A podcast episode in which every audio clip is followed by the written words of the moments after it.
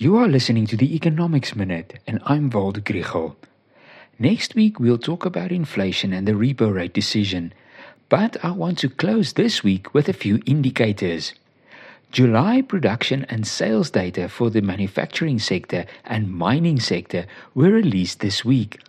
BankservAfrica's Economic Transactions Index for the month of August was in the news yesterday. This episode is supported by the NWU Business School.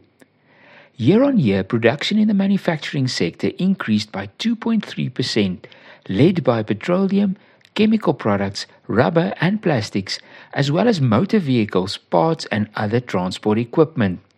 However, it was not an easy month, and where output grew in the month of June, it decreased in July on a month uh, to month basis by 1.6%.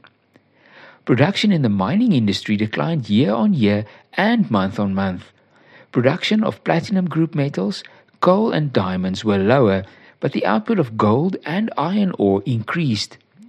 The BETI was slightly lower in August than in July, with a nominal value of transactions decreasing from 1,210 billion rand to 1,207 billion.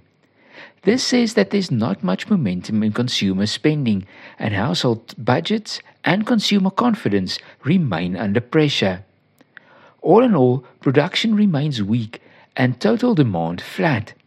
I think the Reserve Bank sees this, and despite the increase in fuel price, it will leave the repo rate unchanged for now.